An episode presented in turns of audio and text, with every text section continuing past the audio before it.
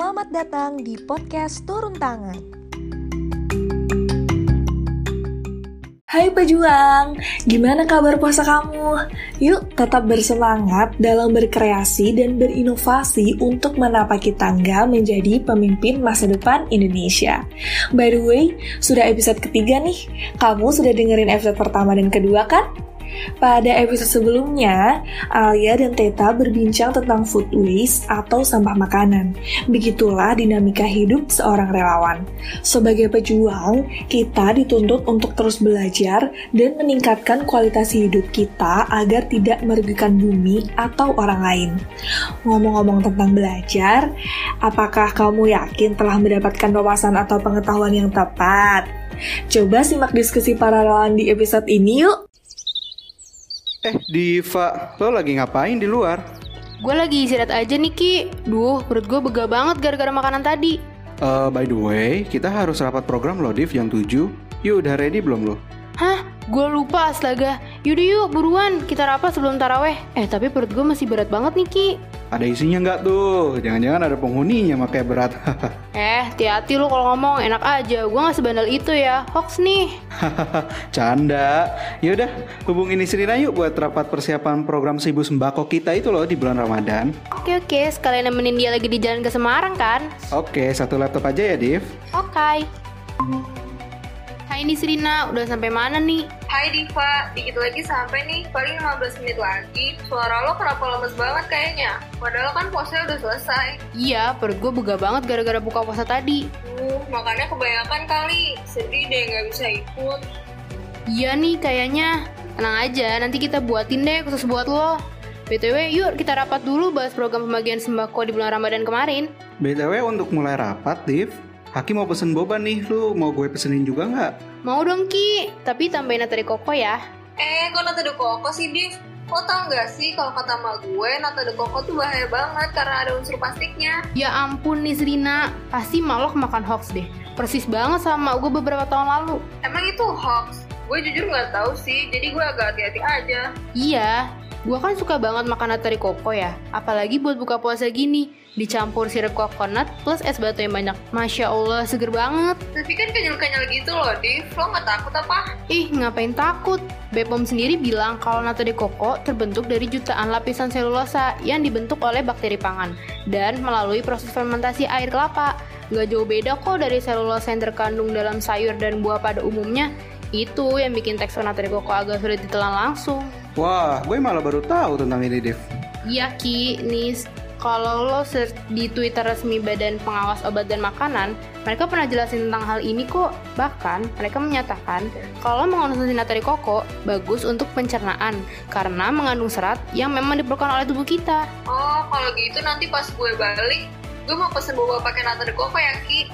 Udah dua tahun gue nggak makan nata de coco ini cuman gara-gara masalah hoax. Kesian amat, 2 tahun gak makan nata de coco BTW, gue mau pesenin bobanya sama telepon relawan turun tangan dulu ya Yang mau ikut kegiatan besok Thank you Haki. Eh, BTW nih, ngobrolin tentang hoax ya. Efeknya memang berbahaya banget ya. Gue jadi inget deh, waktu awal pandemi kan banyak banget tuh hoax beredar tentang virus COVID-19 dan penanganannya. Iya iya bener Div. Bahkan banyak yang ekstrim misinformasinya. Padahal kita kan sedang bertaruh nyawa ya. Lo sempet denger nggak sih Nis kalau ada hoax yang bilang pakai masker terlalu sering itu bisa menyebabkan hipoksia yang bahkan bisa bikin kita meninggal karena keracunan karbon dioksida. Itu gue denger. Makanya banyak yang menolak pakai masker. Lo tau kan di dekat rumah gue ada pasar. Itu penjual pada nggak pakai masker. Bahkan mereka bilang COVID-19 itu cuma konspirasi. Aduh bahaya banget sampai gue bilang ke orang-orang di rumah untuk belanja sayur lewat aplikasi online aja. Tapi penjelasan sebenarnya gimana sih, Div? Gini loh Nis, orang-orang itu pada takut pakai masker karena karbon dioksida yang keluar dari tubuh melalui hidung atau mulut bakal terhirup lagi. Tapi kalau yang gue baca di sebuah situs kesehatan, seorang dokter spesialis penyakit menular pediatrik menyatakan kalau karbon dioksida merupakan gas yang terdiri dari molekul kecil. Nah, molekul-molekul ini sangat kecil sehingga bisa melewati banyak bahan, termasuk bahan yang digunakan untuk membuat masker. Jika kita menggunakan masker kain atau medis, karbon dioksida akan keluar dengan aman kok. Nggak ada tuh ceritanya karbon dioksida menumpuk dalam masker lalu membuat kita sakit. I see. Terus-terus apa lagi, Div? Aslinya sinis, hipoksia itu hanya ada di uh, ketika kita merokok atau menghirup gas beracun. Wah, wah, wah. Kita berarti harus rajin-rajin ngingetin teman relawan untuk stop merokok dong. Eh, eh, eh, kok pada ngomongin merokok, gue jadi terpelatuk nih. Tahu nggak? Tapi kalau ngerokok itu bisa menghadang virus corona masuk paru-paru. Jadi seharusnya kalian tuh. Astagfirullah, Haki. Kalau ini sih gue jelas tahu kalau hoax. Lo bisa-bisanya kemakan hoax gini, padahal lo kan lulusan ilmu politik. Lah, apa hubungannya? Jelas ada hubungannya. Lo sebagai orang yang educated, hal-hal kayak gini kan gak masuk di logika. Merokok jelas bikin perokok semakin rentan terhadap risiko penyakit pernapasan. Jadi bukannya terus sehat, yang ada tambah gampang terkena corona. Eh sebentar, ngomongin logika versus hoax, sebenarnya belum tentu tau nis. Buktinya kita sendiri hampir kena hoax tentang Nata de Coco kan? Hmm, iya juga sih. Tapi masalahnya takut sama emak. Kalau nggak nurut bisa-bisa dicap durhaka. Ya itu dia. Gue pernah baca kajian ilmiah yang ngejelasin fenomena hoax di kalangan orang tua. Laporan Casey Newton yang dipublikasikan oleh New York and Princeton University tahun 2016 bilang kalau penyebar hoax terbesar itu orang-orang di atas usia 65 tahun, sedangkan yang usia 19 30 tahun itu cuma 3% doang. Itu kan di luar sana, Div. Kalau di Indonesia sini kita ini masuk ke golongan usia 65 tahun itu kali ya? Kayaknya gitu sih Nis, menimbang nih tahun 2017 aja ada 800 ribu situs penyebar hoax di Indonesia. Jadi bayangin apa aja hoax yang selama ini udah beredar di Indonesia. Serem banget. Bukan hanya membahayakan kesehatan dan keselamatan kita, tapi juga bisa memecah belah persatuan bangsa. Iya Nis, gue udah kenyang banget ngebahas ini sama ayah sama om-om gue yang suka berbagi berita bohong tentang politik dan agama. Apalagi kalau udah sampai level internasional, makin lama makin serem. Hmm, tapi kenapa ya orang-orang Indonesia hobi banget menyebar hoax? Hmm, kalau menurut observasi gue nih ya, kita-kita ini selalu pengen jadi yang pertama dalam berbagai hal, termasuk bikin sensasi. Mungkin ada kebanggaan tersendiri kalau dikira tahu sesuatu, sementara orang lain belum tahu. Ah, iya ya. Udah gitu, kemampuan literasi kita minim banget. Apa-apa langsung menyebarin aja. Terus bilangnya sekedar berbagi, padahal yang berbagi itu yang punya tanggung jawab untuk ngeriksa ke keabsahan sebuah info, ya nggak sih? Cile keabsahan. FYI nih guys, sekarang ini udah banyak kok situs yang membantu kita untuk mengecek apakah sesuatu itu hoax atau bukan. Serius, Div? Iya, lo bisa lihat nih di cekfakta.com, turnbackhoax.id, dan situs resmi Kementerian Komunikasi dan Informatika. Mereka update banget kok masalah beginian. Oh, situs-situs itu bisa cek hoax gitu ya? Iya, bisa banget kok. Hmm, kalau gue sih biasanya langsung cek situs atau buku-buku yang berhubungan dengan informasi yang gue dapetin. Misal nih, gue dapat broadcast tentang Omnibus Law. Ya, gue browsing dan baca dan baca-baca undang-undangnya atau pandangan dari ahli hukum. Tapi buktinya masih bisa kena hoax juga kan? Ah, iya, kalau gue bayangin hoax tuh kayak pelet, gampang kepatil dan susah lepas. Bisa aja loh, Div. hmm, intinya sih HP dan internet jangan cuma digunakan untuk hiburan doang, tapi harus bisa dioptimalkan agar kita semakin cerdas dan hashtag bisa lebih baik. Wait, wait, wait, wait.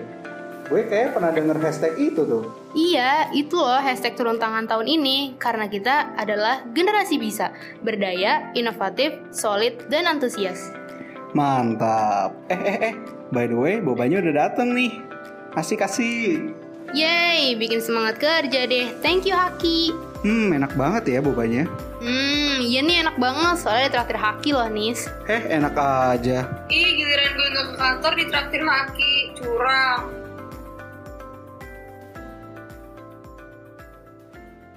Berdasarkan kajian oleh seorang jurnalis Kanada bernama Craig Silverman, hoax adalah serangkaian informasi yang memang disengaja untuk disesatkan, tetapi dijual sebagai kebenaran.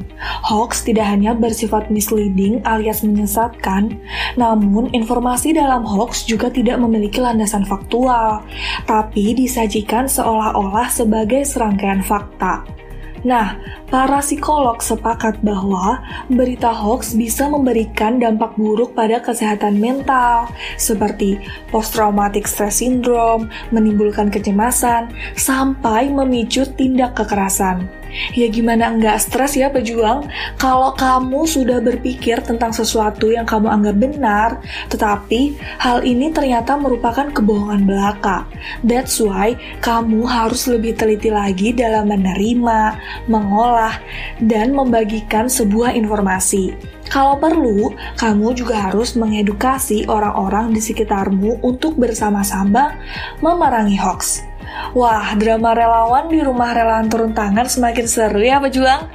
Tetap simak dan ingat untuk follow Instagram @turuntangan agar selalu update dengan isu terkini yang sedang hangat diperbincangkan.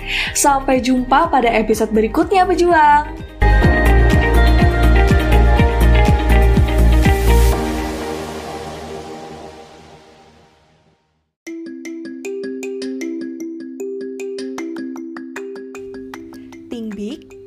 Start small, act now.